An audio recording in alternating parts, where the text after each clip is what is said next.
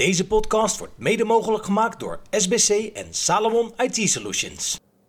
Let's do it. If you want some, baby, come and get it. If you need some, baby, come and get it. If you want some, baby, come and get it. If you need, just come and get it. Welkom bij de podcast van ComeGetIT.nl met Sander Bruis en Martijn Verheij.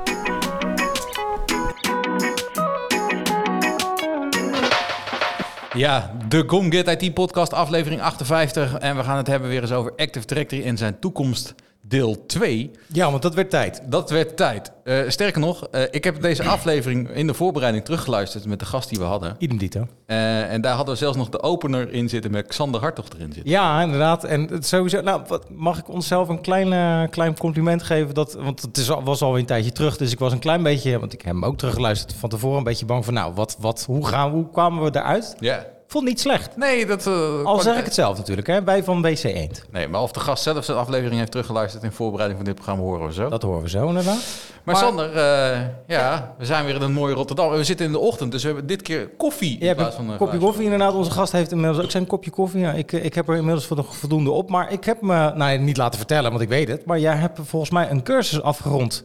Klopt. En, ben je geslaagd? Nou, ik ben En- zeker geslaagd. En wat voor cursus was het? Nou, het is een, eh, MCT, hè, dat staat voor maken een soort certified trainer. Precies. Maar om certified trainer te mogen volgen, moet je getraind worden. Ja, Dus dit was de MCT Train de Trainer. En door een eh gast van ons, een gasten Ja, van ons ik eh, ben bij Monique Derksen geweest en Rick. Monique Derksen. Mon- ja. ik kijk Erwin aan. ik ben bij Monique eh, Kersens en Rick eh, geweest. eh. Heel goed, heel goed. En eh, vier ja. dagen door eh, de wasstraat heen geweest. Van eh, training eh, bedenken naar training maken en echt een training geven. Leuk. En eh, ja, Hij wel ben- bekend natuurlijk. Ja, jij wel bekend. En onze gast trouwens ook, weet ik. Ja, Ja, dat kan ik me nog leven herinneren. Precies, training, precies, precies. Ja, klopt. Wat ik wel weet, jij hebt de CTT Plus gedaan. Ja. Dat was dan de requirement. De hele CTT Plus is, is niet meer. Nee, dat was één dagje extra inderdaad. Dat Ja. ging nog. Ik, dat, ik heb natuurlijk, ik weet niet precies wat jij. Nou, de eh, kwalificatie was wat zwaarder, heb ik begrepen. ja, dat heb ik ook begrepen inderdaad. Maar in, in feite heb je wel soortementen dezelfde cursus als ik Ja. gevolgd. Nou, ja, gefeliciteerd. Ik bedoel, En, dat, eh, eh, die kan je weer mooi in je zak steken. Zo is het. En nu is het uh, belang dat, dat ik probeer zo snel mogelijk mijn CTT aan te vragen. Maar volgens mij zijn er nog wat criteria voor nodig. Dus dat moet ik nog even induiken. Nou, moet gewoon lukken. Kijk, sowieso het feit dat je inderdaad Monique Kersens als lerares hebt gehad. Hè, mijn juffie, ik noem het nog maar eens een keertje. Ja. Dat is eh, van onschatbare waarde wat mij betreft. Nee, absoluut 100% zeker. En dat heb ik er ook eh, duidelijk laten blijken. Mooi. Nou, laat ik het zo zeggen. Ik denk dat Monique nu heel blij van ons wordt. Want ze is ook nog steeds, tot op afgelopen maandag, nog steeds een een, eh, een ja, verwend luisteraar van ons podcast. Mooi. En dit gaan we zo meteen, hier komen we ook nog even op terug. eh, Zeker. In zekere vorm. Eh, maar wat mij ook opviel, Sander, is ten opzichte van de vorige opname met nou, onze gast Erwin Derksen, is jouw kennis van AAD en AADDS inmiddels wat veranderd. Nou, het viel me inderdaad met terugluisteren op dat ik toen de tijd zeker, ik bedoel, de, de Active Directory aan zich, daar hadden we allebei natuurlijk, al, nou, alle drie uiteindelijk, maar allebei als, eh, als hosts eh, wel het nodige ervaring en kennis van. Maar ik merkte inderdaad, dus ik, ik hoorde naar mezelf dat ik een Azure AD en Azure AD of um, AADDS, om het zo maar even af te korten, wat minder. Nou, dat is inmiddels wel veranderd. Dus Ja. we kunnen denk ik ook het gesprek wat leuker insteken. Dus, ehm, nou ja, goed, benieuwd. Maar we hebben, ehm, en dat is misschien om er goed, goed mee af te sluiten, onszelf inmiddels ook toegevoegd aan de podcast 2.0 index. Ja. Om dat nog even te noemen. Want wij zijn eh, dus inmiddels, eh, nou ja, kan je gebruik maken van value for value binnen eh, de podcast 2.0 apps. En ik zal je vertellen wat het is. Want wij zijn dus als It podcast enige tijd geleden toegevoegd aan de, nou, ik noemde het al, de podcast 2.0 index. Dit zorgt ervoor dat luisteraars die podcast 2.0 compatible apps gebruiken, kleine hoeveelheden bitcoin, gemeten in satoshis, in een wallet kunnen laden die verbonden is met een podcast app. Dit kan simpelweg door de podcast te luisteren, die ook toegevoegd zijn aan de podcast 2.0 index. En dat heb ik inmiddels ook gedaan. En dat kan je dus ook als je naar ons luistert. Er zijn verschillende apps be- beschikbaar, elk maar met een eigen unieke proces om luisteraars te helpen bij de eerste installatie. En ik gebruik hier zelf voor de Fountain app. Dat heeft heel weinig setup no- nodig en die geeft bijvoorbeeld ook de mogelijkheid om je wallet op de traditionele manier in te vullen of eh, bij te vullen, dus bijvoorbeeld door Ideal.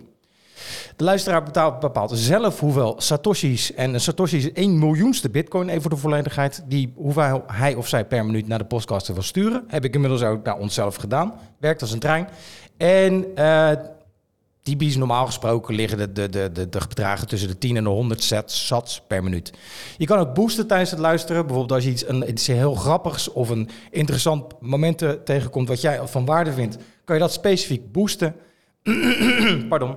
En omdat het systeem gedecentraliseerd is en er geen bedrijven of tussenpersonen zijn, betekent ook dat niemand deze betaling, betalingen kan demonetizen, wat natuurlijk tegenwoordig vaak gebeurt, al zal het bij ons dan wel meevallen, of eventueel onderbreken. Dus vind, vind je favoriete podcast 2.0 apps op podcastapps.com en als je wil, kan je ons steunen. Je bent nergens toe verplicht, maar het maakt het wel een stuk makkelijker. Misschien eh, goed eh, dat je dit ook in een blogje zet of zo, Sander. Dat is lange tijd dat we dat gepubliceerd hebben. Ik zal eens even, eh, dat vind ik eigenlijk wel een goed idee. Want ik heb het inderdaad al uitgeschreven, maar dat hoorde je misschien al. dus eh, Absoluut dat is wel een goed idee. Dat zal ik inderdaad eens gaan doen. Inderdaad, ja. Maar onze gast, die hoorde hem net al een beetje. Eh, deze gast is bijna net zo eh, oud als het onderwerp van deze aflevering, Active Directory. Eh, de vraag die ik wel hem aan hem eh, wil stellen, zeg maar in deze introductie al, woont hij nou op Aruba? Want de meeste plaatjes die ik voorbij zie schieten zitten allemaal op tropische zonnige bestemmingen. Of woont hij nou toch in Nijmegen? Dat gaan we dan misschien ook zo nog horen. ja. Maar hij is al sinds 1999 eh, in het IT-vak actief. En eh, in 2017 is hij voor zichzelf gestart met het bedrijf Dirk IT. Eh Erwin schuift zijn interesse voor Windows 10 en ik neem aan Windows 11 en Active Directory zeker niet onder stoelen of banken. Maar Nee. ook zijn wij recentelijk, of recentelijk, ja, een jaartje geleden, bij een Intune-sessie van jou geweest. ja. Dus eh, ik ga ervan uit dat je daarmee ook je kennis aan het eh, uitbreiden bent. Je bent graag eh, een enorm geziene grage spreker eh, op diverse evenementen in binnen- en buitenland. Je komt graag in onze podcast, want dat heb je meerdere malen laten blijken dat je terug Zeker. wilde komen. Ja, ja, nou. Ja. heb ik dat... en eh, ja, zijn handelsmerken zijn een uitgebreide dosis van humor en bullet point free presentation. Naast uiteraard zijn kennis over Microsoft in het algemeen, Active Directory in het bijzonder. En dan voor de vierde keer te gast. Maar eh, ja, ondanks dat je een paar keer te gast bent geweest, heb je onze standaard vraag nog niet gehad. Nee. ik eh, ben benieuwd. Wat had je gedaan als IT niet bestond? Als IT niet bestond, dan had ik waarschijnlijk iets in... Ik denk wel in de communicatie gedaan. Ja. Eh, misschien in, in, de, in de positieve vorm van marketing. Dus gewoon mooie dingen maken, design dingen maken. Niet eh, plat verkopen, maar gewoon mooie marketing. Ja. Key, keynotes of dat soort werk zijn. Ik denk dat dat zoiets... eh, ja, zoiets denk ik. Ja, niet in het onderwijzen. Daar heb je ook wel een klein beetje... eh, Ja, misschien omdat het, het trainen vind ik leuk. Ja. Geven van presentatie vind ik leuk. Kennis delen in zijn algemeenheid vind ik leuk. Daar, word Ja. je zelf ook, krijg je zelf ook meer kennis van. Maar goed, dat kun je natuurlijk op alle terreinen doen, zeg maar. Ja, precies. Als ICT niet zou bestaan, dan zou ik waarschijnlijk iets visueels, iets met, met, beeld, Reclames? Met, eh, ja, reclames, direct weet ik niet, maar gewoon... Nou, dat zit er ook in de marketinghoek. Dat, dat- daar moest ik gelijk aan denken. Ja, misschien ook wel wat. wat eh, nou ja, we hebben recent weer een eh, keynote van Apple gehad. Ik vind dat, dat heel fascinerend Ja, om te ja, kijken van hoe ze dat doen, hoe ze dat opbouwen, de overgangen. En ja, dat het gewoon kwalitatief hoogwaardig in elkaar steekt. Ja. Het is natuurlijk commercieel, dat is ook logisch, maar zonder dat het plat of simpel wordt. Zeg maar. Nou ja, wat, wat je, nu je dat zegt inderdaad, ik denk dat dat voor, ook als je dus daar niet geïnteresseerd in bent, kan je alleen door de presentatie al wel gegrepen worden. Dat is denk ik inderdaad ook wat jij zegt eh, op dit moment. Ja, sterker nog, ik kijk regelmatig wat eh, van dat soort dingen. Ja, Eh, van bedrijven die gewoon mooie commercials maken. Bijvoorbeeld, daar kun je ontzettend veel van leren. Ja. Want commercial is eigenlijk storytelling, zo krachtig mogelijk, in een kort tijdsbestek. ja. En ze gebruiken ook regelmatig commercials in presentaties bijvoorbeeld. Eh, ja, om dat gewoon heel snel uit te leggen. En dat Ja, snappen ja. mensen direct. Ja. Ja, absoluut, absoluut. Daar zit zeker kracht in inderdaad. Nou ja, goed, wat- dat heeft inderdaad absoluut zijn, eh, zijn raakvlakken met elkaar inderdaad. Maar goed, daar gaan we het niet over hebben vandaag. Daar gaan we het niet over hebben. Nee. Wel leuk om dat te horen, zeg maar. Maar eh, Sander, jij hebt al je favoriete quizvraag. eh, Ja, inderdaad. en dat geeft even Erwin en mij weer to- stof tot nadenken. Precies, want Hebben ze al gezegd trouwens dat we lekkere koffie hebben in de Vanellenfabriek? Ja, nou dat is maar goed. Dat is maar geraaien ook, eh, moet Oh. ik zeggen. Nee, eh, de koffie is prima. Kun niks, eh, kun niks zeggen.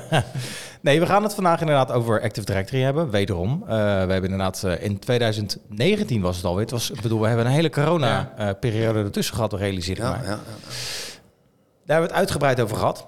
En even kijken, hoe moet ik wel even juist de juiste quizvraag aan, eh, aanklikken. Ehm, nou ja, we gaan het over Active Directory hebben. En ehm, dus dacht ik bij mezelf, nou, wat, wat ga ik nou eens opzoeken? Nou, ik vond het uiteindelijk, heb ik het vrij simpel gehouden, vind ik zelf.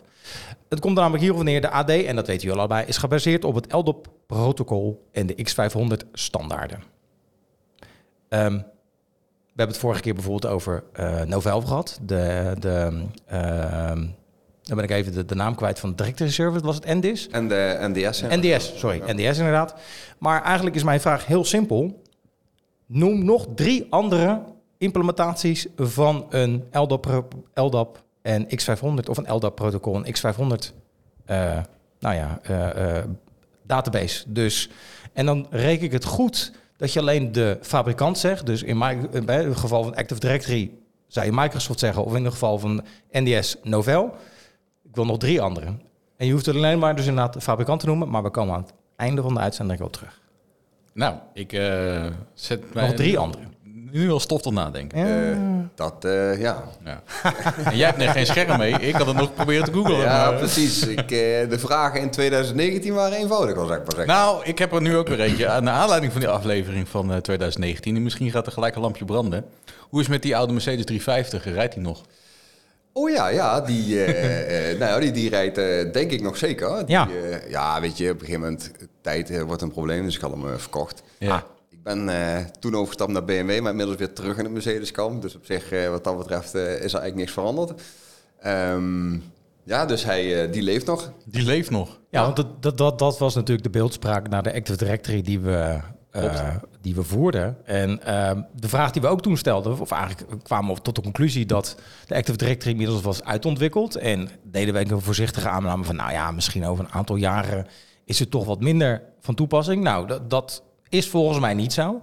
Maar is die AD dan nog wel inmiddels echt uitontwikkeld? Of is er toch nog stiekem wel het een en ander gaande omdat hij nog zo belangrijk gevonden wordt? Ja, dat is, dat is wel een goede vraag. Ik heb, eh, Dankjewel. eh, De ontwikkeling is eigenlijk gestopt in 2016. Ja. Ja. In 2016 zijn nog een paar features toegevoegd. Ehm, ja, niet heel baanbrekend. De techniek op zichzelf is niet veranderd. Nee. Eh, vandaar ook dat ik in de presentaties die ik nu geef... ehm, de Mercedes 350, hè, de achtcilinder, heb vervangen door de dieselgeneratie. Hè, Ja, ja, ja, de ja. 200D, die gewoon 1 miljoen kilometer zonder Oh, onderhoud... toch wel ook wel. Dat ook wel weer. ja, Ja, ik ja, heb het ja, nog, ja, een graadje, ja, ja. nog een graadje betrouwbaarder, nog een graadje eenvoudiger gemaakt. Want ja, AD is natuurlijk ook weer een aantal jaren verder. En eh, ja, die staat nog gewoon overal. Ja. Ja, en je zei ook, dat is wel grappig, je zei ook zonder onderhoud, dat hij zonder onderhoud bleef draaien. En, Precies. en dat is feitelijk ook nog steeds zo, of vergis ik me dan? Nee, Active Directory is gewoon, ja, wat mij betreft, ultra betrouwbaar. Ja. Ook al negeren een tijdje. Eh, het grappige is, wij zijn eh, vorig jaar bedrijf Blue Identity gestart met focus op cloud, 365, Azure AD, wat tegenwoordig weer Entra ID heet. Ja. Anyway, op security, condition access, allemaal van dat soort technieken, hè, wat ook wel weer tegen Active Directory aanhangt. En eh, daarna ontstond er dus weer vraag bij klanten naar Active Directory. Ja. Dus dan start je een nieuw bedrijf met een paar mensen van... joh, we gaan helemaal die cloud en dat gaan we allemaal doen. Hebben we ook expertise in, er zit ook Intune in en zo, allemaal hartstikke tof. En dan, dan komt er van, hey Erwin, doe jij die AD Health Scans nog?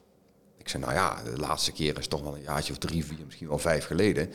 Ehm, ja, ik heb die kennis nog. Ik wil dat best doen, maar ik moet het even afstoffen. Ja. Nou ja, dat heb ik gedaan. Eh, en dan zie je verbijsterende dingen. Ook bij bedrijven die beveiliging heel hoog in het vaandel hebben staan. Die zeggen alles voor elkaar te hebben en dat op de cloud ook wel hebben. Ja. Ehm, en dan blijkt Active Directory best wel open te staan. Omdat daar dus niemand meer naar kijkt. Kan je een voorbeeld nemen, spe- eh, noemen, specifiek? Nou ja, je ziet heel vaak eh LDAP-queries dat die niet secure zijn. Gewoon nog plain text. Eh, je ziet heel vaak accounts die heel oud zijn met simpele wachtwoorden die lang niet gereset zijn. Eh, standaard is natuurlijk vervuiling in allerlei opzichten. Ja. Eh, maar de allerbelangrijkste is toch wel, die zit ook in mijn sessie, de, de pre-Windows 2000 Compatible Access groep. Dat is een groep die ooit bedoeld is voor compatibiliteit met Windows NT. Ehm, ja, en daar kunnen een aantal dingen in zitten die daar niet in thuis horen, maar die er wel voor zorgen dat je verregaand toegang krijgt in je, in je Active Directory. Ja, ja, is- ja. ja, zijn toch een paar klanten waar we dat gezien hebben, dat iedereen, dus zelfs als je niet ingelogd bent, kan gewoon toegang krijgen tot Active Directory. Ja, en dat is wel echt heel slecht. Ja. Maar, wat, maar wat ik daar ook wel uit beeld ontstaan, en eigenlijk zeg je, bevestig je mijn beeld daar een beetje ook in, is eigenlijk, we zijn op een gegeven moment die transitie naar de cloud gestart. En Microsoft heeft natuurlijk AADDS in de, in de, bedacht in de Azure-omgeving. Eh, maar nu komen klanten toch wel van, we gaan naar de cloud. En ineens, boem, eh, we komen toch even een Active Directory server. Ja, daar moeten we iets mee. Dus ik zie inmiddels klanten nu hele vage constructies bouwen met tunnels naar Microsoft toe. Eh AD'tjes eh, opspinnen in eh, Azure AD, zeg maar. Of Ja. in Azure als gewoon een VM met een Azure Active Directory. En dat laten repliceren. Want ja, we moeten toch e- iets met die AD doen, zeg maar. Ja. Nou ja, het is niet zozeer dat ze iets met die AD moeten. Hè, want die zou je on-premise kunnen laten staan. Of die zou je in Azure kunnen zetten. Een domeincontroller in Azure Ja. is gewoon een domeincontroller. Dat maakt niet zo Nee, uit. eens. Maar die verschuiving zie ik wel, zeg maar. Ja, dat klopt. Want vaak willen bedrijven wel naar de cloud. Ja. En dan komt er een moment dat ze zeggen van... joh, moet ik mijn eigen datacenter nog opnieuw gaan eh, voorzien? Of, of Ja. eh, Ja, moet dan daar niet meer in? plaatsvinden. Precies. Ja. Eh, maar dan blijkt dat je vaak nog legacy hebt. Ja. Nou, die legacy kun je natuurlijk een aantal dingen mee doen. Eh, die kun je in zo'n AADDS eh, zetten, waar we het net over Precies. hadden.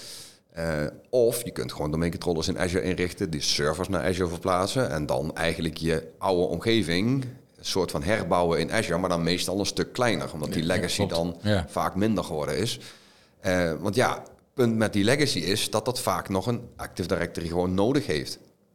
Hè, dus er zijn heel veel van die hippe consultants die roepen... ja, je moet alleen naar eh, Entra ID en dat is alles. En dan Active Directory die moet weg en dat is oud en dit en dat. Maar ja, een recent voorbeeld, een kleine fabriek... die hebben exact gelopen met allerlei customizations... naar machines, Ja. naar printertjes, naar leveranciers. Ja, jongens, dat is gewoon domain integrated. Ja. We hebben het geprobeerd en we hadden 95% van de functionaliteit werkend op een cloud-managed werkplek. En uiteindelijk een cruciale functie werkte gewoon niet. En Exact zegt, ja, het moet gewoon in een domein zitten. Ja, ja, ja. ja, Ja, dus ja. zijn we geëindigd in een hybrid setup die gewoon op zich prima werkt. Eh, maar je hebt nog wel die AD nodig. Ja. Nou, vorige keer eh, was een van de, ik weet niet of dat dan gelijk legacy apps kunnen noemen, maar een van de dingen die natuurlijk eh, eh, wijdverbreid gebruikt wordt, is dat HR-apps ook direct met de AD praten. Ja.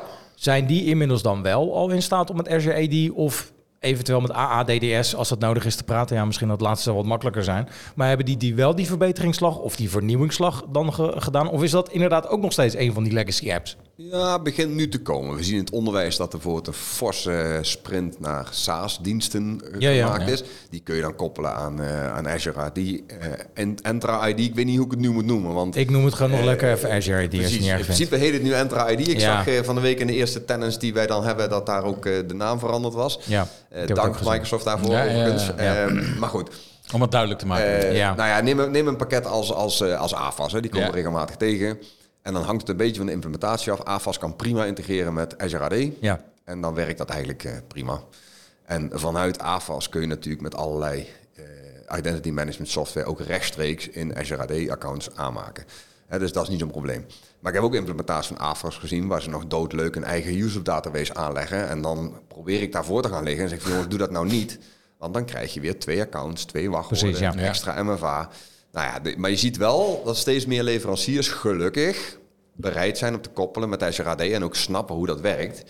Eh, aan de andere kant had ik laatst weer een prachtig voorbeeld van een LDAP-integratie. Die gewoon eh, insecure LDAP, clear text van alles over de lijn. En ik zeg, ja, maar hoe dan? Was ook nog een belangrijke applicatie met gevoelige data. En eh, die leveranciers van, ja, weet ik ook allemaal niet. Ik geef je wel even toegang, kun je zelf even kijken. Nou, als ik kijk bij die koppelopties, ik zeg maar, er is helemaal geen optie om secure LDAP in te stellen. Er is helemaal geen optie om een certificaat of een secret of iets te koppelen. Oh, zei die leverancier, zei ik, dat is een goed idee. Ga ik iets mee doen? Met alle respect, hè, maar dat, dat, dat, dat, Ja. loop je dus eigenlijk al 10, 15 jaar achter de feiten aan, wat Ja. mij betreft. Ja, En dan gaat die inderdaad, ja. kaart, je ziet het kaartje al zo verschijnen Ja. naar de backlog. En, eh, Ah, goed, en Ja. je, je, je kunt op je kop gaan staan, maar Ja. als de klant dat applicatie gewoon Ja. helemaal eh, eh, ver- verweven daarmee is, dan gaat dat niet. nee. Eh, en meestal zien we dus, zeker bij grotere bedrijven, ziekenhuizen, scholen, eh, zorginstellingen, grote bedrijven. Je hebt gewoon een HR-applicatie, Ja. die zijn nog niet zo ver. Dat zinkt naar Active Directory. Nou, vaak hebben ze dat nog niet eens voor elkaar, hè, dus dat is dan vaak stap 1. En vanuit Active Directory provision je de cloud. Nou, ja, die kun- via Nou, Connect, ja. En eigenlijk ook heel raar gezegd, maar waren we ook nog heel lang door, door Microsoft zelf toch wel on- een on-premise Exchange server nodig. Al deed, deed hij niet heel veel. Nee. Om bijvoorbeeld mailboxjes Zeker. in de cloud te kunnen genereren. Ja. Nee, die kan al een tijdje weg. Ik heb hem ook al een paar keer ook echt hardhandig verwijderd, zeg maar. Ja, en wij met Dave Stork een, een podcast over Ja, gemaakt. ja, ja, dat klopt. dat ja. was het hierbij. Dat was op dat- Live inderdaad. Ja, maar Dave. Stork is natuurlijk ook wel eens hier geweest. Daar heb je Ja. ook gelijk in, ja. Nou ja, kijk, wat je wel ziet, dat merk ik toch wel een beetje in de markt, dat klanten ook af en toe wel eens denken van, ja, maar wacht eens even. Misschien moeten we die AD en misschien moeten we die ene Exchange server nog maar eens even aanhouden, om eens even, dat we eventueel nog een pad terug hebben. Dat klinkt heel raar wat ik nu zeg, want Ja. iedereen zegt cloud, cloud, cloud, cloud. Maar ik hoor toch af en toe ook wel eens een beetje... Nou, wat ik ook merk Kritische om noot, zeg maar. systeembeheerders onder ons, Ja, we hebben ergens nog, we denken nog ergens apparatuur te hebben wat ergens een alerting verstuurt. Dus we moeten de SMTP lokaal nog steeds houden, zeg maar. Ja, nou ja, daar zijn En, allemaal we en dan denk ik, ja, we, eh, heb je al eens logging aangezet? Zeg. Ja. Dat is mijn eerste vraag. Nee, eigenlijk niet. Nou, ik zou daar eens mee beginnen. Ja, maar weet je, heel plat gezegd, heel, heel veel mensen weten helaas gewoon niet waarover het gaat. Hè? Als, Nee. je, als je Active Directory bekijkt, zo'n MTLM-verkeer detecteren, weten waar dat vandaan komt, dat uitzoeken. Ja, mensen hebben geen idee. Nee. Dus er zijn, eh, eh, ja, met Blue doen we best wel vaak security scans. Ja. En we hebben een soort APK noemen we dat dan. Dan kijken we naar die, die, die settings na. En dan zegt zo'n klant van ja, maar dat kan ik eigenlijk toch ook zelf. Hè? Want als je Defender activeert, dan krijg je in 365 gewoon een compleet dashboard. Ja. En dan zegt gewoon van nou, je moet dit doen, je moet dat doen, je moet zus doen. Ja. Ik zeg maar, dat kan goed zijn dat Microsoft dat aanbiedt, maar een klant weet niet wat hij daarmee moet. Nee, precies. Dus die heeft iemand nodig om uit te leggen van ja, maar als jij dit aanzet, dan eh, stopt exact met werken. Of dan stopt Ja. jouw Java-app met werken. En het grappige is, eh, kom ik steeds meer achter, dat eigenlijk die settings, die dingen die je aan het doen bent, niet zo heel veel anders zijn als wat je vroeger deed. Nee. Maar als we allemaal zelf gaan repareren aan die Mercedes 350D, dat blijft ook niet zo lang op de weg. Dus daarom moet je externe expertise, neem ik aan, inhuren om die auto zo lang mogelijk op de weg te kunnen houden. Nee, maar je ziet dat ondanks dat alles op een presenteerbaardje wordt Ja. aangeboden, hè, van je moet dit doen, je moet dat je moet zus en zo doen. Er zijn voor Active Directory zijn natuurlijk ook hardening guides, Ja, en scanning ja. tools en weet ik het allemaal. Maar je merkt gewoon dat een klant ja, het niet durft of bang is, iets omvalt. En er valt ook af en toe iets om, hè, laten we daar Ja, eigenlijk ja. ook, Ja. ook bij mij. Ja. Ehm, maar ja, dat dat, dat dat toch gewoon moeilijk is. Maar dat is toch ook uiteindelijk onderdeel van de... de laat ik het zo zeggen, mijn beeld tegenwoordig is dat eh, klanten met name inderdaad IT-partners in de hand nemen om, of eigenlijk nog alleen nog maar voornamelijk, beter gezegd, om hun IT-zaken op orde te krijgen. En dat in-house kennis steeds, eh, steeds meer aan het afkalven is. Of Ja. zit ik er ernaast wat jou betreft? Ja, ik, heb, ik moet zeggen, ik heb nu een paar klanten het intern juist wel op orde is. Mhm. En dat werkt heel fijn, moet ik zeggen. Want dan, dan wil je bijvoorbeeld gaan hardenen. En die klant weet gewoon van, oh ja, maar we hebben deze medische applicatie, we hebben dat, we hebben zus en zo. Ja. En als er dan iets omvalt, hè, wat dan eigenlijk eh, kan gebeuren, Ja. dan weet zo'n klant ook heel snel van, oh, dan moet ik hier en hier en hier schakelen. Ja. Waardoor dat proces gewoon heel prettig en goed verloopt, zeg maar. Hè, dus eh, een beetje interne kennis is helemaal niet eh, verkeerd. Maar precies wat je zegt, het wordt vaak uitbesteed aan zo'n, wat we dan even noemen, managed services. Precies. Eh, Heel veel mensen hebben tegen mij ook gezegd van ja, met mijn Blue Identity moet je naar managed services gaan en dit en dat. Ik zeg ja, maar het probleem met managed services natuurlijk, die dienst is wel goed. Maar als je dan vervolgens gaat kijken van hoe dat dan security technisch zit Ja. en de kennis daarvan, ja, dat heeft zo'n eh, service provider vaak niet. En dat kun je daar ook niet van verwachten, want die kunnen niet zo snel meekomen met Microsoft. Als je kijkt hoe, hoe snel dat Ja. verandert en wat er allemaal bij komt. Precies. Nou ja, laten we heel eerlijk zijn. Conditional access op een goed niveau is voor heel veel eh, mensen en bedrijven gewoon te hoog gegrepen. Dat wordt heel snel ingewikkeld. Ja. Ja, en eh, dat is dan weer eh, mijn of ons onderdeel, zeg maar. Ja, ja, ja, precies, precies. Dat je inderdaad die specialistische kennis. Maar je noemde het al, AD hardening.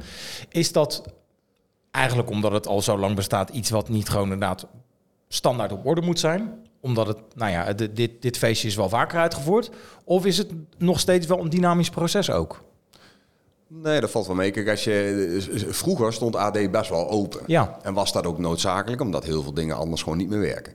Nou, eh, je ziet dat bedrijven vaak een hoop hebben opgeruimd of geüpgrade of andere versies Ja. of andere leveranciers.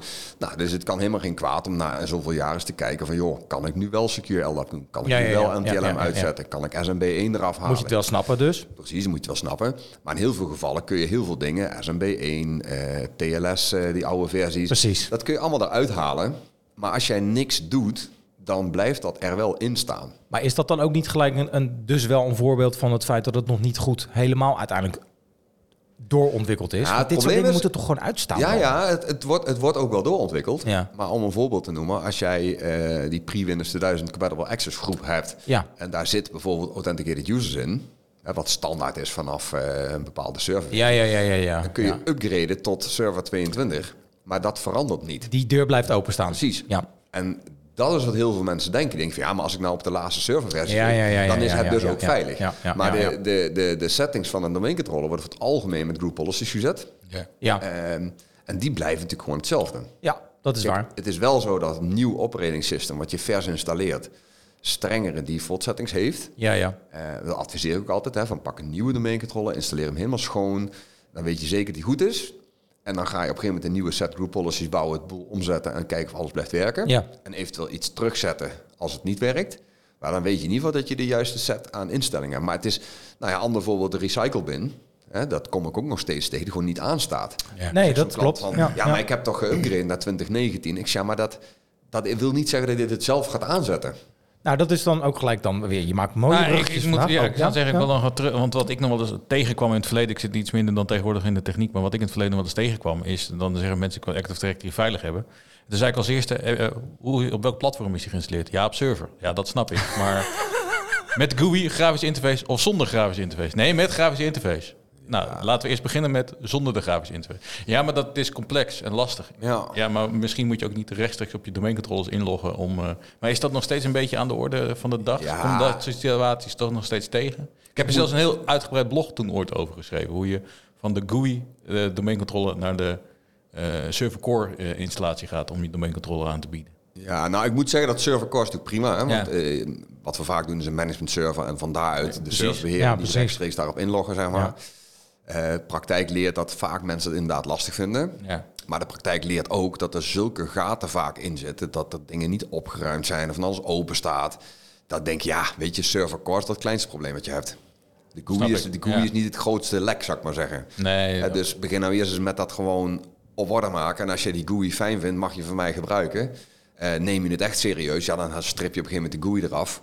En dan ga je bijvoorbeeld ook eh, met rollen werken. Hè? Dus Ja. dat een, een domain admin account alleen maar op domeincontrollers kan werken. En een server admin, applicatie admin, alleen maar op die server. Ja. Eh, dus dat hele Ja, tiering dat is echt, model. echt de inrichting van Ja. AD, zeg maar. Ja. Maar heel eerlijk gezegd zijn heel veel klanten gewoon nog niet aan toe. Nee.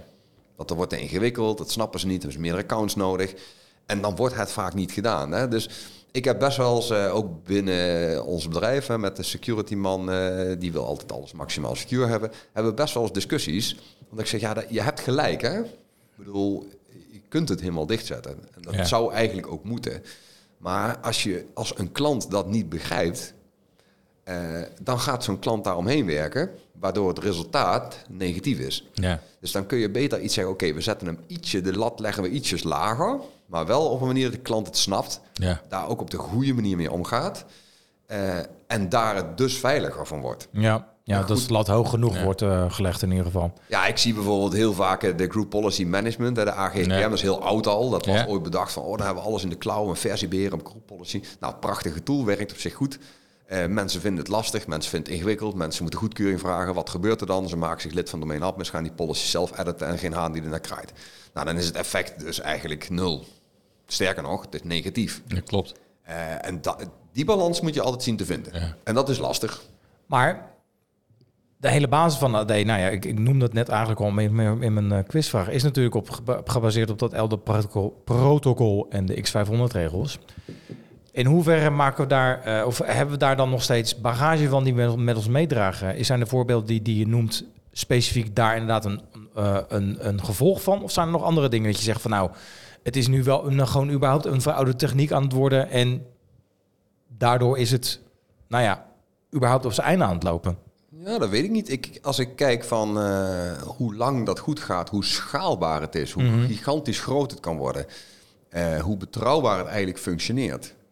Ja, ik, ik, eh, kijk, het zal een keer verdwijnen, denk ik, omdat Ja. er iets anders voor in de plaats komt. Ja, Maar er zijn natuurlijk maar heel weinig technieken. Denk het IP-protocol bijvoorbeeld. Eh, Denk misschien SMB, HTTPS. Die zo lang meegaan. Precies. Omdat ze dus iets goed doen en blijven functioneren. Dat is ook een beetje waarom ik het opgeschreven had. Want we hebben natuurlijk wel eens eerder met mijn post hè, over, Ja. over mailen. Over, nou ja, toen kwamen we en uiteindelijk op het feit dat er dingen, bepaalde dingen, dat hebben we het over de jaren 60, maar de dingen zijn in het verleden ontwikkeld. Ja. Waardoor er nog veel bagage. Maar je, je stelt dus, en ik denk dat ik het wel een beetje met je eens ben, dat Active Directory wat dat betreft een hele positieve uitzondering op die regel is eh, geweest tot op heden. Ja, ik denk dat het gewoon een, een, een... Ja, ik ben niet zo technisch dat ik helemaal eh, exacte details weet. Maar ik denk dat het gewoon in de kern gewoon een supergoed ontwerp is geweest. Eh, ja, weet je, het begint langzaamaan zijn tekortkomingen te kennen. Ja. Maar dat geldt voor de, de oude TCP/IP natuurlijk ook. En dat geldt Zeker. voor, voor, voor SNTP en voor nog wat oude protocollen. Eh, maar feit is wel dat ze gewoon betrouwbaar zijn. We weten hoe het werkt. We weten wat de tekortkomingen zijn. Eh, er zit niet heel veel dynamiek in, er zit niet heel veel ontwikkeling in. Tenminste niet in Active Directory. Waardoor het een heel ja, stabiel, fundament is. Ja. En ja, die ICT-wereld is al zo dynamisch. Dus ik denk dat bedrijven best wel blij zijn met componenten die nou eens niet elke twee weken eh, er totaal anders uitzien. Nee, robuust, zo ja, en ook voor die koppelingen. Ik bedoel, we hebben heel veel projecten gedaan natuurlijk. En dan die koppelingen, dat is best wel lastig om dat goed te doen. Ja. En rollen definiëren, zorgen dat mensen in de juiste teams terechtkomen, et cetera, et cetera. Dat is over het algemeen nog gebaseerd op gebruikers in een bepaalde groep Ja, of een bepaalde rol. Eh, nou ja, dat is, dat, dat, daar som, bij sommige klanten wel twee, drie jaar mee bezig voordat dat helemaal strak en goed is. Dus dat is ook niet iets wat je zo op de Azure manier elke week weer aanpast, zeg maar. nee, want Dus- in Azure is dat wel inderdaad veel makkelijker Ja. en doorzichtiger geregeld. Nou ja, in Azure mijn veranderen dingen, veranderen dingen veel sneller. Mhm.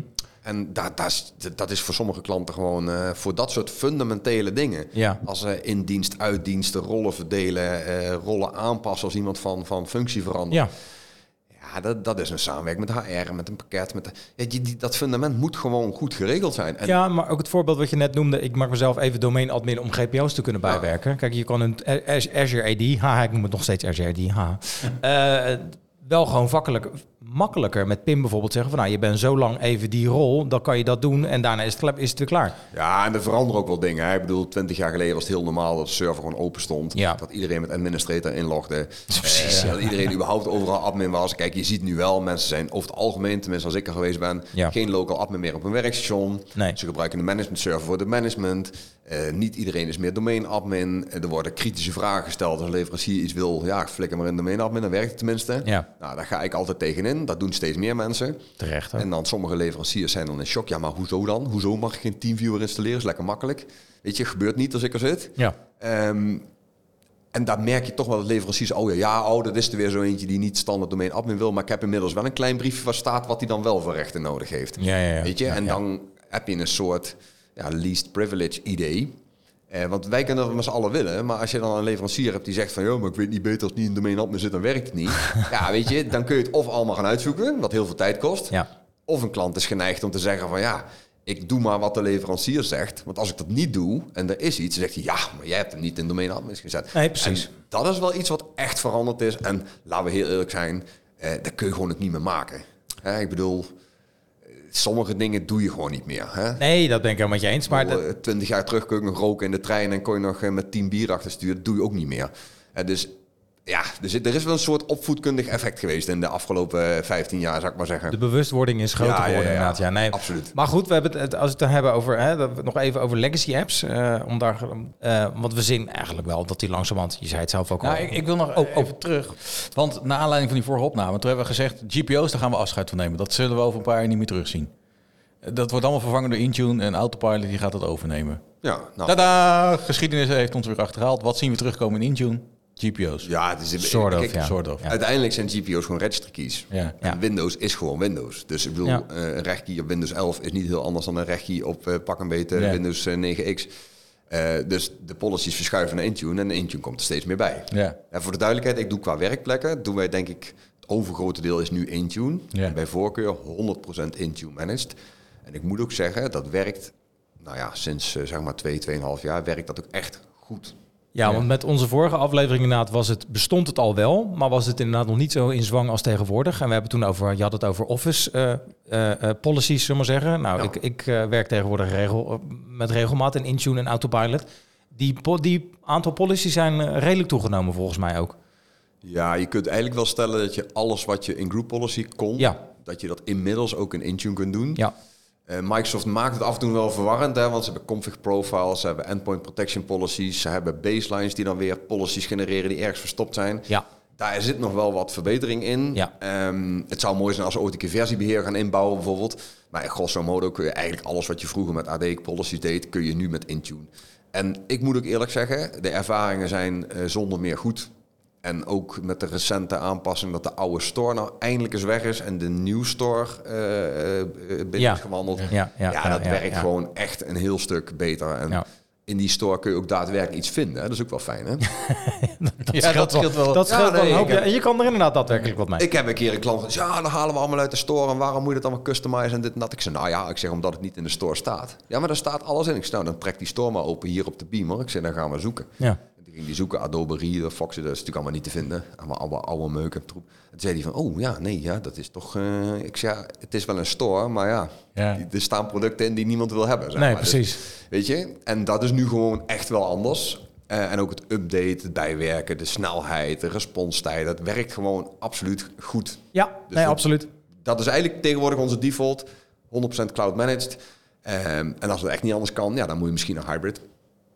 En we krijgen straks natuurlijk eh, Global Secure Access, de nieuwe techniek van Microsoft. En dat zal denk ik ook weer ervoor gaan zorgen dat je veel minder afhankelijk bent van on-premises. Nou, vertel me gelijk wat het is dan. Want Ja. het is nog in preview, als ik het goed heb.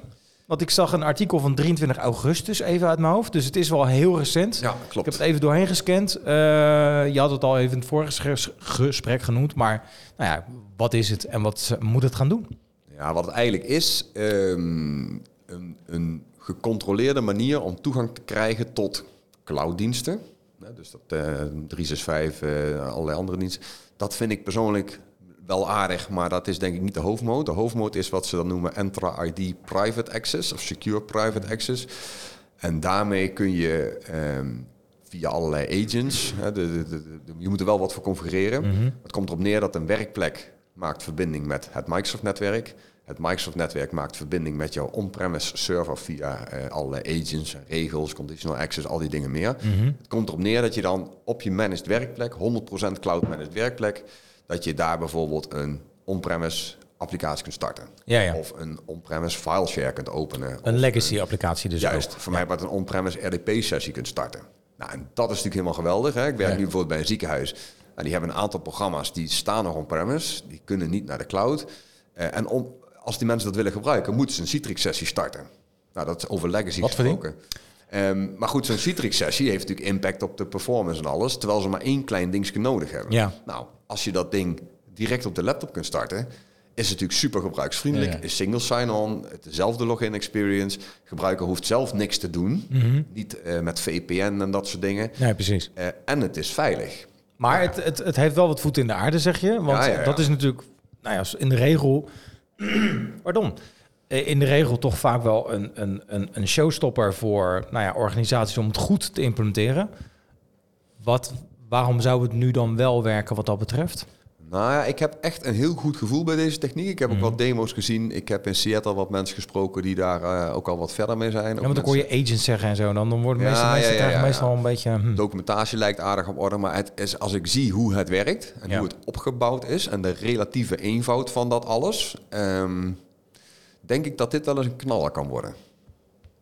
En dan hebben we het toch maar over, laten we het even zeggen, in Microsoft terminologie versie 1.0. Dus de verbeteringen die we in de toekomst nog vinden, zeg maar, worden daar nog aan toegevoegd. Ja, dat zal ongetwijfeld, dat is een eerste versie. Maar als ik nu al zie wat het kan Ja? en wat het in potentie architectuur ook kan be- betekenen.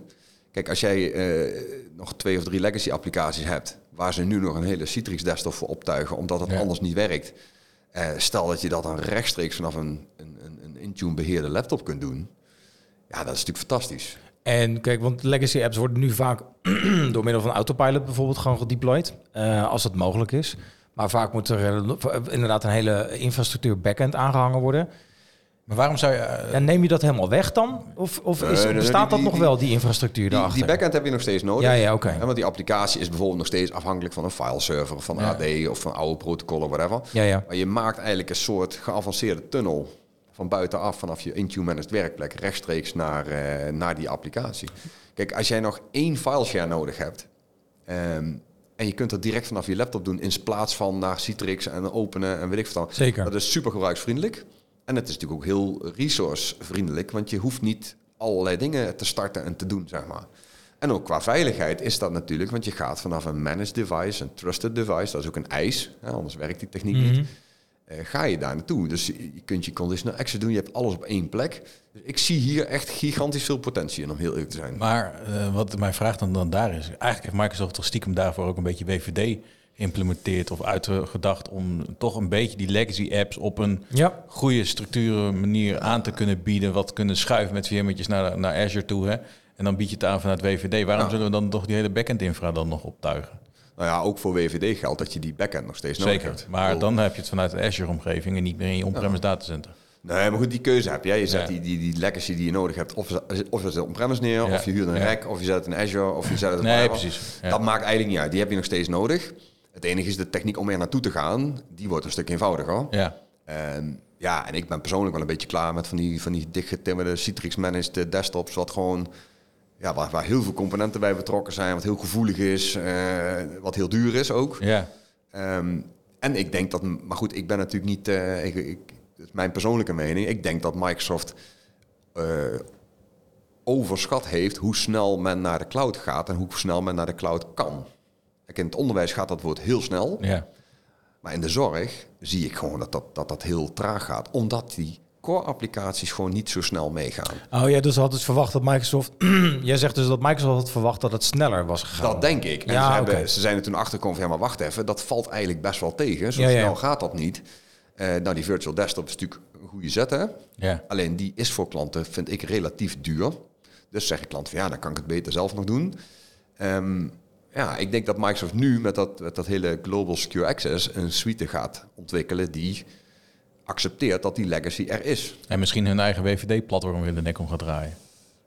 Ja, dat zou kunnen. Ja. dat zou Tenminste, kunnen. een deel van de behoefte van de klanten weg gaat nemen. Laat Ja. zo stellen. Ja, dat zou kunnen. Precies, want praktisch gezien inderdaad, want als ik je een beetje goed begrijp, hebben natuurlijk gewoon vaak mensen ook gewoon een desktop of een laptop gewoon waar ze mee hun werk kunnen doen. En is het ook lastig dan weer om naar een virtuele machine te connecten in Azure?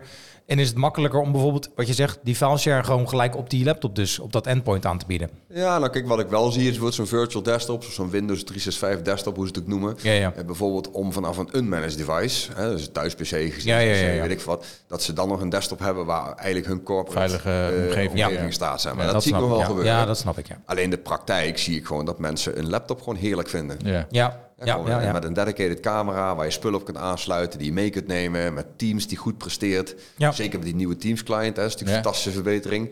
Ehm, en mensen vinden dat gewoon fijn. ja, en je hoeft niet meer geen compute resources te delen met anderen. Dus dat, Ja, dat- kijk, aan de andere ja. kant, gemeentes en zorg, daar willen ze hun werkelijk meenemen met pasjes. Hè. Dan mogen ze in een pasje en dan nemen ze een sessie mee. Ja, weet je, daar eh, is een virtual desktop natuurlijk handig. Ja. En daar is Citrix vooralsnog eh, he- nog even heer en meester, zeg maar. Omdat dat gewoon ja, heel fijn werkt voor de eindgebruiker. Nou, je hebt het nu een paar keer genoemd, Citrix, hebben we het opgeschreven inderdaad. Want hè, de legacy apps, we hebben het al een paar keer genoemd, die worden langzamerhand, kan ik ook uit praktijk zeggen, echt wel eh, uitgefaseerd of inderdaad versaast, is eh, echt mijn ervaring. Is Citrix inmiddels niet die legacy app aan het worden dan? Ja, dan dan het eh, We hebben over een aantal weken hebben wij een Citrix-persoon te gast in de uitzending. Wat zou je hem willen vragen? Dus leg het op tafel, zou ik zeggen. Nou ja, kijk, ik, ik zit in een bepaald gebied. Ik heb Ja. een bepaalde visie dat dingen eenvoudig moeten zijn, secure moeten zijn, en niet te ingewikkeld maken en niet heel veel producten op elkaar staan Ja. om iets voor elkaar te krijgen. Weet je, ik vind Citrix eerlijk gezegd al jaren eh, Ja. relatief duur Ja. Voor wat het te bieden heeft. En ik, het is natuurlijk gevaarlijk wat ik zeg, want ik weet heel goed, ik werk nu bij een ziekenhuis ook. Ja. Daar hebben ze het ook gewoon echt wel nodig. Ja. Ja. Alleen je ziet dat het, dat het gewoon best wel duur geworden is. Maar hebben ze het echt nodig? Echt op de keper? Want eh, ik denk dat als ik jou op de man vraag van... Joh, kan je dit vervangen door wat dan ook? Waar, en dezelfde functionaliteit bouwen? Dat je geneigd bent te zeggen, ja, dat kan. Ja, maar ik ben natuurlijk ook geen Citrix. eh, het is heel lang geleden dat ik echt Citrix expertise had en op niveau had. Ja, oké, maar dan dijken we de details in. Puur gewoon daar even plat gezegd. in. Nou ja, ik denk gewoon dat, dat dat een relatief dure oplossing aan het worden is. Ja. Ehm, want je hebt natuurlijk, je hebt Windows, dan heb je RDS, dan heb je eventueel eh FS Logic voor je storage. Precies. Dan heb je de Citrix laag, dan heb je nog eh, eventueel een applicatie virtualisatie laag. Dan Ja. heb je nog, eh, hoe heet dat, in Privata bijvoorbeeld om in te loggen met die pasjes. Eh, dan heb je eh Ivanti om het helemaal dicht te timmeren, wat in de zorg ook gewenst is. Hè? Ja, ja, moet ja. in een gecontroleerde omgeving draaien. Dus daar zie ik ook nog wel een toepassing. Alleen als je dan de prijs per werkplek gaat uitrekenen, dat heb ik een aantal keren mogen doen, ja, dan, is, dan kun je daar best een dikke laptop van kopen. Ja. Ja. En als je Ja. dan eindgebruikers vraagt van, goh, maar wat vind jij nou fijn om mee te werken? Ja, dan, dan, dan, wordt, dan, dan wordt niemand blij van zo'n Citrix desktop. Behalve bijvoorbeeld verpleegkundigen of artsen die gewoon door het hele gebouw heen lopen. Ja. En dan met die hele set aan software zijn maar hun printers en hun drive mapping en hun sessie, dat ze dat mee kunnen nemen. ja, maar kan toch feitelijk inmiddels ook op een andere manier aangeboden worden. En, en dat het voor hun op precies- precies dezelfde manier werkt. Ja, dat kan. ver? Maar goed, zo'n ziekenhuis heeft natuurlijk duizend accounts. eh werkt op een bepaalde manier, is helemaal strak ingeregeld. Dat verander je niet zomaar. Nee, nee, maar ik zeg ook niet inderdaad dat je het direct moet veranderen. Maar ik, ik, nou ja, het feitelijk is mijn eh, vraag, heeft het nog bestaansrecht? Nou ja, puur door de praktijk wel. Maar Ja, als ik je een beetje begrijp, technisch gezien niet meer. Ik denk dat het over een paar jaar klaar is. Ja, het grote voordeel van Citrix was, en dat was ook eigenlijk zeg maar, hun verkoopverhaal, het ICA-protocol. Meer Ja. is het niet. Ja. Ja, dat is. Kijk, dat was natuurlijk eh, toen ik begon in ICT. Ja. Ik ben begonnen met uh, Citrix. Nou, ik iets later, maar toen werd het nog steeds genoemd. Ja, ja, nee, ik ben begonnen met Citrix bij NT4. Ja. Eh, dat is, dus ik word echt oud, hè? Ja, nee. Eh, We zien geen rimpelverschil hoor. nee, dat is. Maar ik ben begonnen met Citrix bij NT4 en met Windows 2000. En toen Ja. was het verschil tussen het ICA-protocol en wat Microsoft te bieden had, was gigantisch. Ja, klopt. Dat klopt. En dat verschil is in de loop der jaren steeds kleiner geworden. Precies. RDP kan ook steeds meer, is ook steeds efficiënter geworden. En laten we niet vergeten, in de begintijd waren we ook nog bezig met replicatieverkeer van AD te tunen. Ja. Ja. Weet je, daar is helemaal geen sprake meer van, of nauwelijks, want Nee. de netwerken zijn zo goed, betrouwbaar, snel. Ja, precies. Ja, weet je, een RDP-sessie meer of minder, dat boeit helemaal niet meer. Nee, nee, dat ben ik helemaal met je eens. Wat mij betreft is het ICA-protocol een jaar of tien, eh, ik denk ja, leuk. En het, het, is- het zal nog steeds beter zijn. Maar als ik kijk wat voor gedoe je er ook mee hebt, hè, met offloading, dat moet allemaal helemaal, het moet helemaal nauwkeurig geconfigureerd worden. Wat je in zo'n ziekenhuis bijvoorbeeld wel kunt doen, hè, want dan heb je de volledige controle. Maar wat in de praktijk gewoon heel vaak eh, gedoe geeft, zeg maar. Ja. Maar voorzie ik dus inderdaad een scenario dat als een beetje als Lotus Domino, wat ook ooit eens een, een functie en een rol heeft gehad binnen de zakelijke markt. En nu nog bij een aantal, nou ja, de- Air France bijvoorbeeld heeft maakt er nog gebruik van, denk ik. En zo zijn er nog wel een aantal andere. Dat, het, dat we dus op de situatie ontstaat dat inderdaad Citrix alleen nog maar heel specifiek bij ziekenhuizen of dergelijke organisaties gebruikt gaat worden. Ook gewoon omdat het te moeilijk is om het uit te faseren. Nou ja, je hebt best wel veel beheercapaciteit nodig. En eh, de mensen in zijn algemeenheid, zeker de nieuwe generatie, is gewoon gewend om overal makkelijk snel bij te kunnen. Ja, zonder allerlei restricties. Ja, zo'n Citrix is natuurlijk toch over het algemeen een locked desktop. Wat natuurlijk voor een, een, een Epic of een Hix, hè, de, de EPD's, is dat ook nodig. Ja, ja, ja, Dan moet precies. het helemaal Ja. strak gelokt zijn. En daar heeft zo'n desktop ook absoluut zijn, zijn, zijn plek, zeg maar. ja. Maar gewoon dat je standaard een werkplek via Citrix aanbiedt, ik denk dat die tijd echt In, geweest in is. het MKB zal het steeds minder zijn, zeg maar. Ja, ik kan me voorstellen, de zorg, want daar je, net wat je zegt, hè, dat is, de switching tussen systeem van arts naar eh, hè, Ja. het systeem is, is natuurlijk wel iets. En dat was, is natuurlijk een grote kracht die je nodig hebt, die je misschien iets minder snel hebt met WVD als eh, het- Ja, en die mensen willen geen laptop meeslepen bijvoorbeeld. Dus Zeker. dat, dat, is, dat is een hele prima markt voor. ja. Maar ja, ook daar zie je verschuiving van legacy naar moderne. Ik bedoel, Ja. ook Hix, ja, dat roepen ze al heel lang. Het zal nog wel even duren, maar die zijn ook bezig met een HTML-variant. Ja. Epic, eh, zijn andere grote EPD, zijn daar ook mee bezig. Eh, Magister heeft er tien jaar over gedaan, het onderwijs. Hè. Ja. Die, die hebben ook heel lang geroepen van, joh, we moeten van Silverlight af. We gaan. En inmiddels voor de leerlingkant zijn ze zover. ja. Ehm, maar, Elders ook trouwens. Hoor. ja, ja, maar eh, ja, er zijn nog een paar dingen die ze nog met de oude manier moeten doen. Maar dat zal inmiddels Silverlight. misschien wel uit. Maar eh, wat ik me aan wil geven is dat dat hebben ze misschien Ja. wel eh, acht jaar over gedaan. Ja. Weet je, dus ik snap dat heel veel mensen zeggen van nou ja, cloud en eh, Active Directory is oud en zo. En dat snap ik ook allemaal, want wij zitten zelf met Blue doen we eigenlijk niks anders dan cloud. Ja. Ja, ja. Dus het verbaasde mij ook dat klanten weer gingen vragen van ja, maar kun je nog eens naar die AD kijken? Ik denk, huh, waar komt dat nou ineens vandaan? het is gewoon drie, vier, vijf jaar is dat gewoon. Ja. Sterker nog, ik doe dit jaar denk ik een stuk of zes, zeven sessies op conferenties. Volgende week in Zwitserland ook weer. Op Express Live eh, gedaan. ja. Eh, hartstikke populair. Over het harden, revitalizen van je Active Directory. Ja. Ja, En toch, misschien, ja. misschien ben ik inmiddels ook zo oud dat ik eh, een van de weinigen ben die daar een goede, goede kennis van heeft. Dat zeiden we de vorige dat keer. zeiden we de vorige keer dat zeiden we de vorige keer over. Dat was Je wordt met eh, Cobol zeld- toen de tijd. zeldzaam en duur, zeg Ja, maar, hebben we ja, toen ja. eh, geroepen. Ja. Ja, ik heb ja. iemand 450 per uur eh, horen zeggen, maar eh, ik geloof dat dat nog niet helemaal geland is in de markt. Ik doe het ervoor. Hey, we zitten al ruim een, eh, ja, ja, sorry. een uurtje te kletsen over Active Directory. Ja. Dat, eh, dat schiet al mooi op, tenminste. We zitten iets minder dan een uur. Maar waar je ook eh, druk mee bezig bent, is eh, eigenlijk toch wel eh, een missie heb je jezelf opgelegd. En dat is to kill boring presentations. Hoe staat het met je missie? Nou, dat gaat goed, want ik probeer bij elke presentatie die ik doe, eh, ja, het, het mooi visueel en, en storytelling te houden, zeg maar. Ja. Zelfs het Active Directory verhaal, hè, dan moet je af en toe wel wat bullet points gebruiken, maar over het algemeen niet. Nee. En dat kunnen mensen heel goed volgen.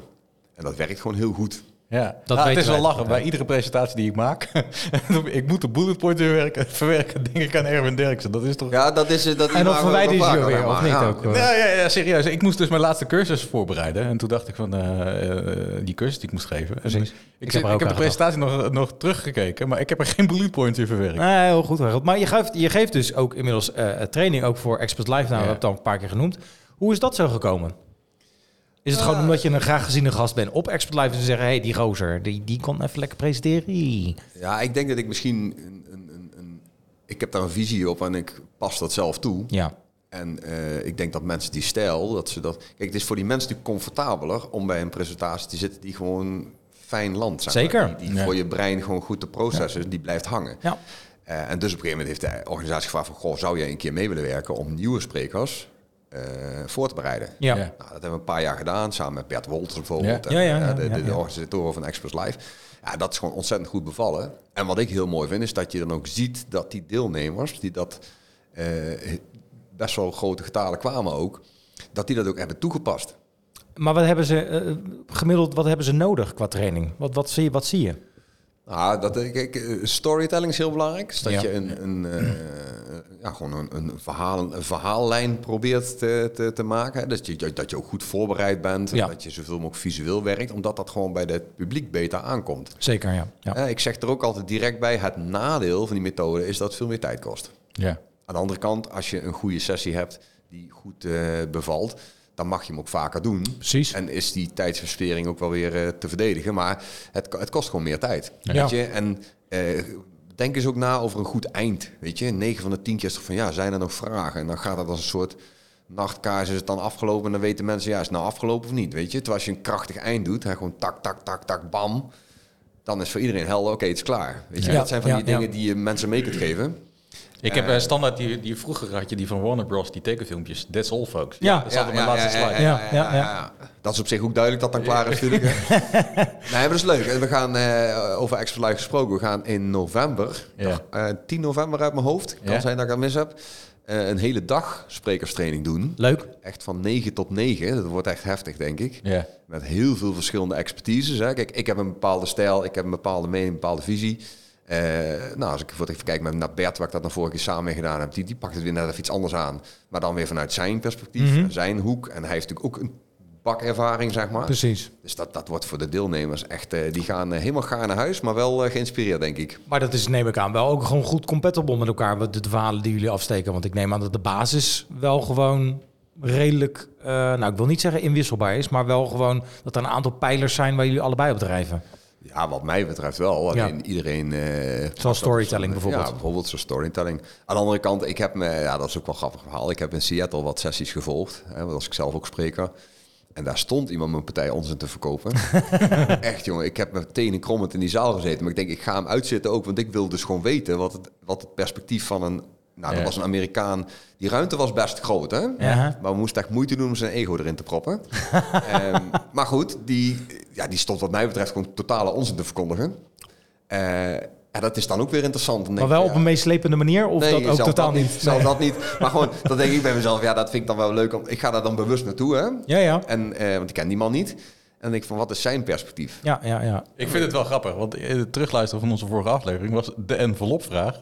Was als ik een bullet point, eh, een presentatie tegenkom met bullet points te Ja, doen. inderdaad. eh, en Dan loop ik gewoon weg. dan loop ik gewoon weg. Maar dat is dus... eh, Dat heb je niet gedaan Dat dus heb je dus niet gedaan. Dat zei je ook inderdaad vorige keer, dat je dat in principe niet Als doen. er genoeg stof om mij heen is, wat meer, waar ik meer kennis kan opdoen, dan loop ik uit deze presentatie weg. Ja, nou, dat, ik denk dat dat nog steeds wel klopt. Alleen, ik vond deze zo tenen krommen dat ik denk van, ik, ik, wil gewoon, ik wil dit gewoon uitzitten. Ja, ja, Weet dat- je, soms ja. moet je jezelf pijnigen. En, Ja. eh, Een beetje ja. als een slecht, hele slechte film, dat je toch zo van, Ja. nou, nou, nou wil ik weten hoe het eindigt ook. Maar aan de andere kant, kijk, dat is zijn perspectief. En hij Ja, stond, ja. staat ook op evenementen, dus hij zal ook wel iets goeds doen. Ja. Ehm, maar dat is natuurlijk interessant om gewoon van meerdere invalshoeken te kijken van hoe ze het doen. Ja.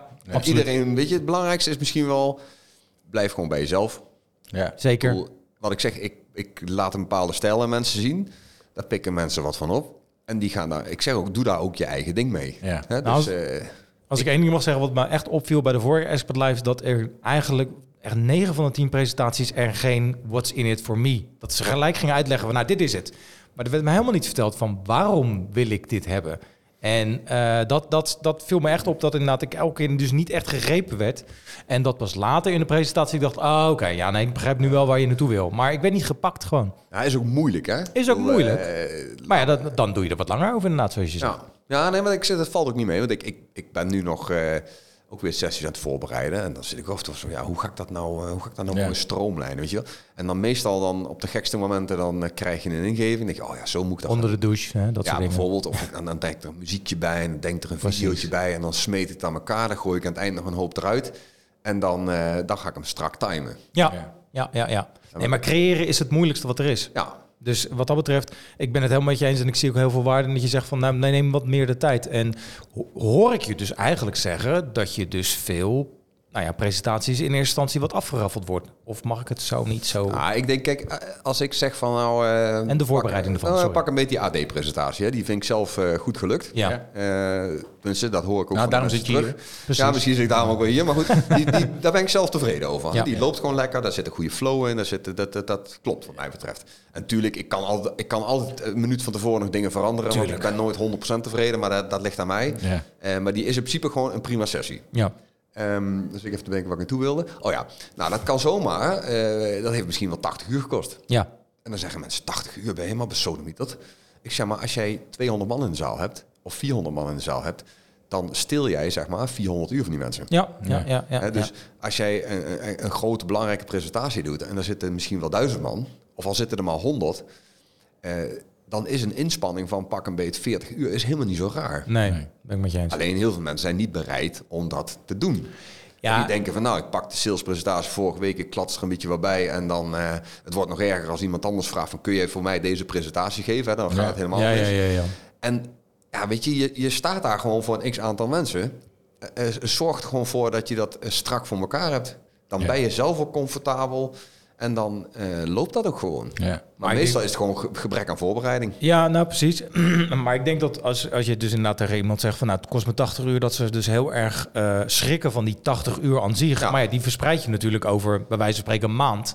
Dus voel je dat dan ook een stuk minder, lijkt mij. In ieder geval zou zo ik het doen dan. Ja, weet je, ik kom op een gegeven moment een bepaalde flow. En dan kan ik gerust een paar uur dan weer bezig Ja, zijn. En dan denk ik precies, van, oh ja, het is al precies. zo laat, Ja. weet je wel. Ja. Eh, maar het is natuurlijk ook zo, kijk, als jij mooie visuals vindt, hè, dus animaties, foto's, video's, whatever, die kun je natuurlijk op meerdere plekken gebruiken. Ja, Ja. precies. Eh, ik gebruik best wel eens eh, wat, wat foto's opnieuw, zeg maar. Ook eigen materiaal. Ja.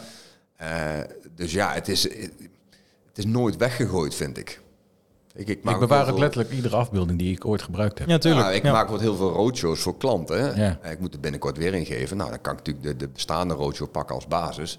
Eh, het nadeel van de cloud is overigens wel dat je bij elke presentatie weer opnieuw screenshot kunt maken. Ja. Ja, Ik heb ook ja, sessies ja, over ja. Teams en over Endpoint Manager. En de flow blijft eigenlijk hetzelfde. Ja. Maar omdat het zo snel wijzigt, als Ja. ik die Ja. twee maanden niet gegeven heb, kan ik alle screenshots opnieuw maken. Ja. Hè, maar dat, dat heb ik er graag voor over. Omdat mensen voelen dat als het oud is of als het niet... niet, niet, niet, Nee, dat klopt. Nee, dat is, klopt, klopt. Ja. En ik wil nog toevoegen, kijk, jij vindt het waarschijnlijk ook gewoon leuk om te doen.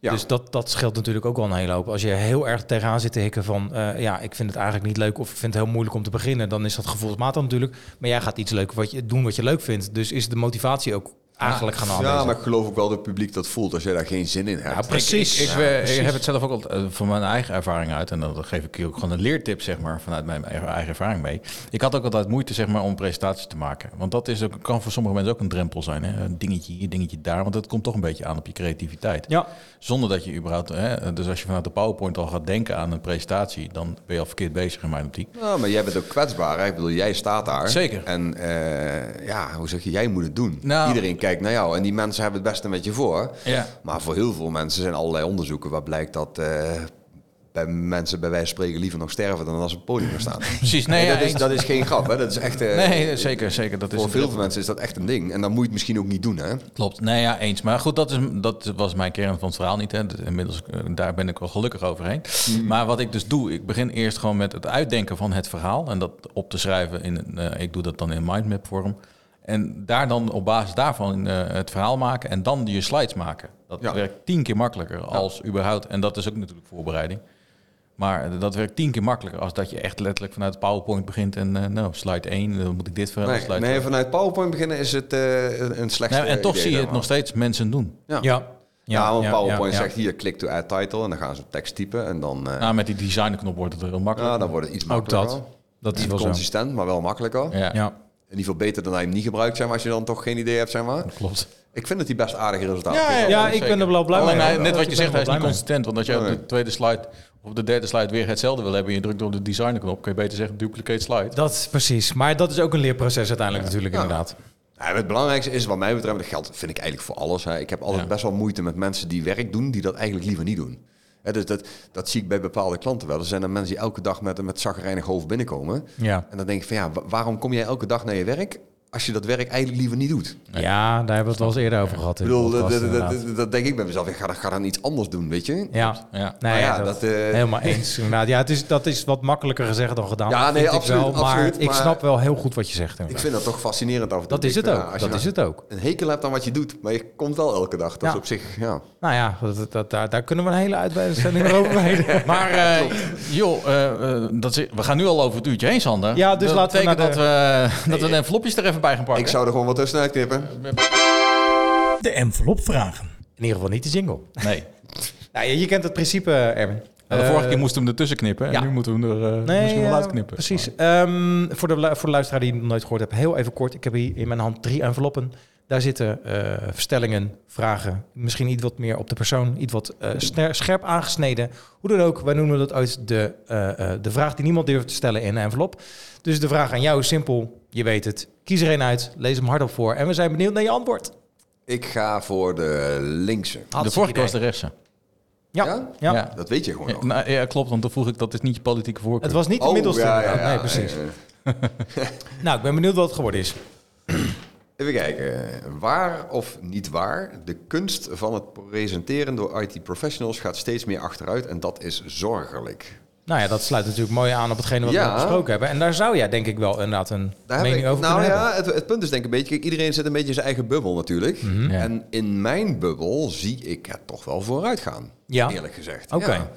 Ik bedoel, Nou, gelukkig maar, zou ik zeggen. Ja, want mensen hebben natuurlijk wel door dat... er- Maar word je aan dat- bubbel niet de mensen die nu bij je training zijn geweest? Ja, dan zou ik daarom zeggen, ik zit in een bubbel. Ik ben daar natuurlijk mee bezig. Ja, precies. Eh, ik zie ook heel veel slechte ik ben er niet geweest, maar... Nee, maar je ziet over het algemeen dat bedrijven handiger worden. Ja. Of in ieder geval snappen dat een oldschool salespresentatie met alleen maar informatie niet werkt. Nee. Plus dat natuurlijk het aantal presentaties toeneemt, waardoor mensen ook gaan selecteren. Kijk, vroeger had je misschien vier sessies en dan ging je daar gewoon naartoe. Ja. Eh, als je naar een Ignite gaat waar, waar, waar 5000 sessies zijn, ja, dan ga je heel snel switchen. Ja. Ja. Dus Ja. mensen worden kritischer. ehm, ja, en, en blijven dus hangen bij de sessies die ze waarderen. En zijn geneigd om te vertrekken bij de sessies die gewoon slecht zijn. Precies. Dus ik denk, als ik in mijn bubbel kijk, zeg maar, wat ik zie op conferenties of eh, binnenkort de MCT Summit, Workplace Ninja vorige Ja. week, Express Live, Ja. zie ik het niveau eigenlijk wel gestaag omhoog gaan. Mooi, mooi, Ja. mooi. Nou, Ja. dat, dat ben, daar ben ik wel heel erg blij mee. In ieder geval niet naar beneden. Mooi. Nee, en ik, denk, ik ben het helemaal met je eens. Ik, ik denk dat het ook steeds belangrijker wordt, ook binnen bedrijven en binnen de professie die wij hebben. Ja, weet je, daarom zeg ik ook, de eh, missie is misschien wat overdreven, maar als ik bij een bedrijf kom, zeg ik joh, als je dat nog wat anders aanpakt. Ik heb ook heel veel sprekers natuurlijk, ook op Express Live. Ik zeg van, joh, als je, als je daar nou een verhaal van maakt, hè, kun je dit op een andere manier vertellen? Kun je wat visueler worden? Kun Ja. je, en nog niet eens de manier waarop ze er staan, maar gewoon het, het voorbereiden, zeg maar. Nou, dan komt daar een totaal ander verhaal uit. Ja, Eh, en dan zeggen die mensen achteraf tegen mij van, wauw, het publiek was gewoon geboeid. Ze waren niet op hun telefoon, ze waren... En het voelde heel goed. ja. Ja. En dan ben je dus het niveau aan het verhogen. Zo Precies. simpel is het. En dan heb je, hebben zij dus inderdaad dat gevoel bereikt waarbij Ja. ze denken de volgende keer, hey, dit is leuk. Ik denk dat het niveau langzaam omhoog kruipt, dat conferenties steeds kritischer worden en het, het steeds ja, beter, mooier, shinier moet, zeg maar. Mooi. Nou, we, we kijken uit naar de volgende Expert Live. Zeker. Ja, Ja, Sander, zijn we toe aan eh, het stukje educatieve onderdeel van dit eh, podcast. En ik, ik begin steeds meer te, te, te neigen naar het feit dat we hier toch ook een jingletje voor moeten hebben. ja, scherp. Nou ja, de vraag was heel simpel, jongens. Ehm, de, de... Nee, niet die. Ehm, we hebben het over Active Directory gehad. Ja. Er zijn eh, eh, in de tussentijd, in de, de afgelopen tientallen jaren... Dat, het Active Directory is gebaseerd, laat ik het helemaal goed zeggen... op het LDAP-protocol en de X500-regels. Zoals gezegd, ontwikkeld in de jaren 80. In de tussentijd, in die aantal tientallen jaren... zijn er dus meerdere implementaties of iteraties geweest... van hetzelfde principe. Ik gaf er al twee natuurlijk. Nou, Microsoft Active Directory was duidelijk. Novell NDS hebben we gehad. Mijn vraag is simpel, noem er nog drie. En je hoeft alleen de fabrikant te noemen. Nou, ik weet niet of het een fabrikant is, maar de eerste die bij mij een lampje gaat branden is Open LDAP. ja. Die is goed. Ja. En, eh, en Exchange hè, natuurlijk met X500 eh, Ja. in eh, versie 5 volgens mij. Reken ik ook goed. Ja. De rekening ook goed, want die staat ook in de lijst. Inderdaad. Nou, nog eentje jongens. Dan, dan met z'n tweeën hebben jullie dan... eh, bedoel, het zijn een beetje de usual suspects, zou ik zeggen. Ja, Ja, ik wou want ik denk als jij nu het antwoord geeft, dan zeggen we een oh jaatje, denk ik. eh. Ja, Nou ja. Ik, ik hing op twee gedachten. Volgens mij is er nog zo'n... zo'n eh, het kan goed zijn dat het Open LDAP was op Linux. Ik doe daar zelf niet zoveel mee. En volgens mij had Oracle Ja, ver verleden, Heel goed, heel Ja. goed, heel goed, heel iets. goed. Nee, inderdaad, jullie hebben, nou, dan hebben jullie het eh, met elkaar inderdaad helemaal goed eh, eh, eh, eh, geraden, inderdaad, of goed gezegd. Want inderdaad, Oracle had de Oracle Unified Directory. Jullie hadden natuurlijk gewoon Apple kunnen noemen, de Apple Open Directory. Eh, Linux die, heeft er die inderdaad... is volgens mij echt met uitsterven bedreigd. Dat zou heel goed kunnen, maar Want, Linux eh, heeft... daar hoor je niks meer van sinds dat Apple eigenlijk gestopt is met eh, het bouwen van servers. Ja, ja nee, dat klopt. nou, dat klopt. En althans, dat, ik, ik, heb er ook zo, ik zie het zelden voorbij komen. En, Nou, ik heb er ooit een raakvlakken mee gehad toen ik jaren geleden nog iets met onderwijs deed. Oké, oké, nou goed. Ehm Lotus Domino, hij was net, net genoemd Ja. dat je kunnen noemen. Ehm, nou, dat zijn ze wel een beetje, inderdaad, dat zijn wel een beetje de grote spelers. Red Hat staat ertussen. Maar goed, jullie hebben het goed, jongens. Dus dat is ehm, een applausje waard, inderdaad. Kijk, Leuk. leuk. Hey, dan zijn we toch echt aan het einde van deze ontzettend eh, leuke aflevering weer. Eh, ik wil jou bedanken als luisteraar voor de Comget IT podcast. Erwin, ik wil jou bedanken voor de komst naar Rotterdam. Nou, dat Ja. was op de route, begreep ik. Ja, absoluut. Mooi. Dus eh, waar kunnen we meer informatie eh, voor je, over jou vinden als het eh, toch echt noodzakelijk is op socials? Ja, de socials eigenlijk LinkedIn. Ja. Twitter ben ik een beetje mee gestopt, zeg maar. Dat kost allemaal te veel tijd. Mhm. Eh, dus LinkedIn, Erwin Derksen kun je gewoon vinden op Google. eh, Ja, video's, eh, conferenties. Of je kunt me bereiken via Erwin, apenstaartje blue-identity.com. Kijk, dat gaat helemaal goed komen.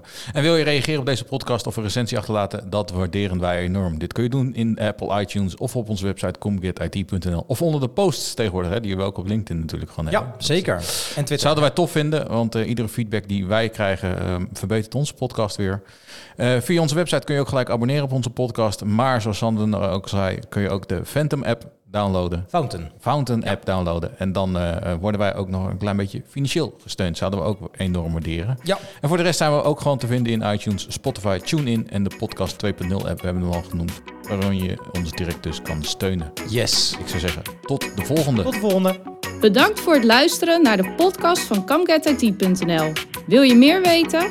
Heb je vragen, suggesties of opmerkingen? Bezoek dan onze website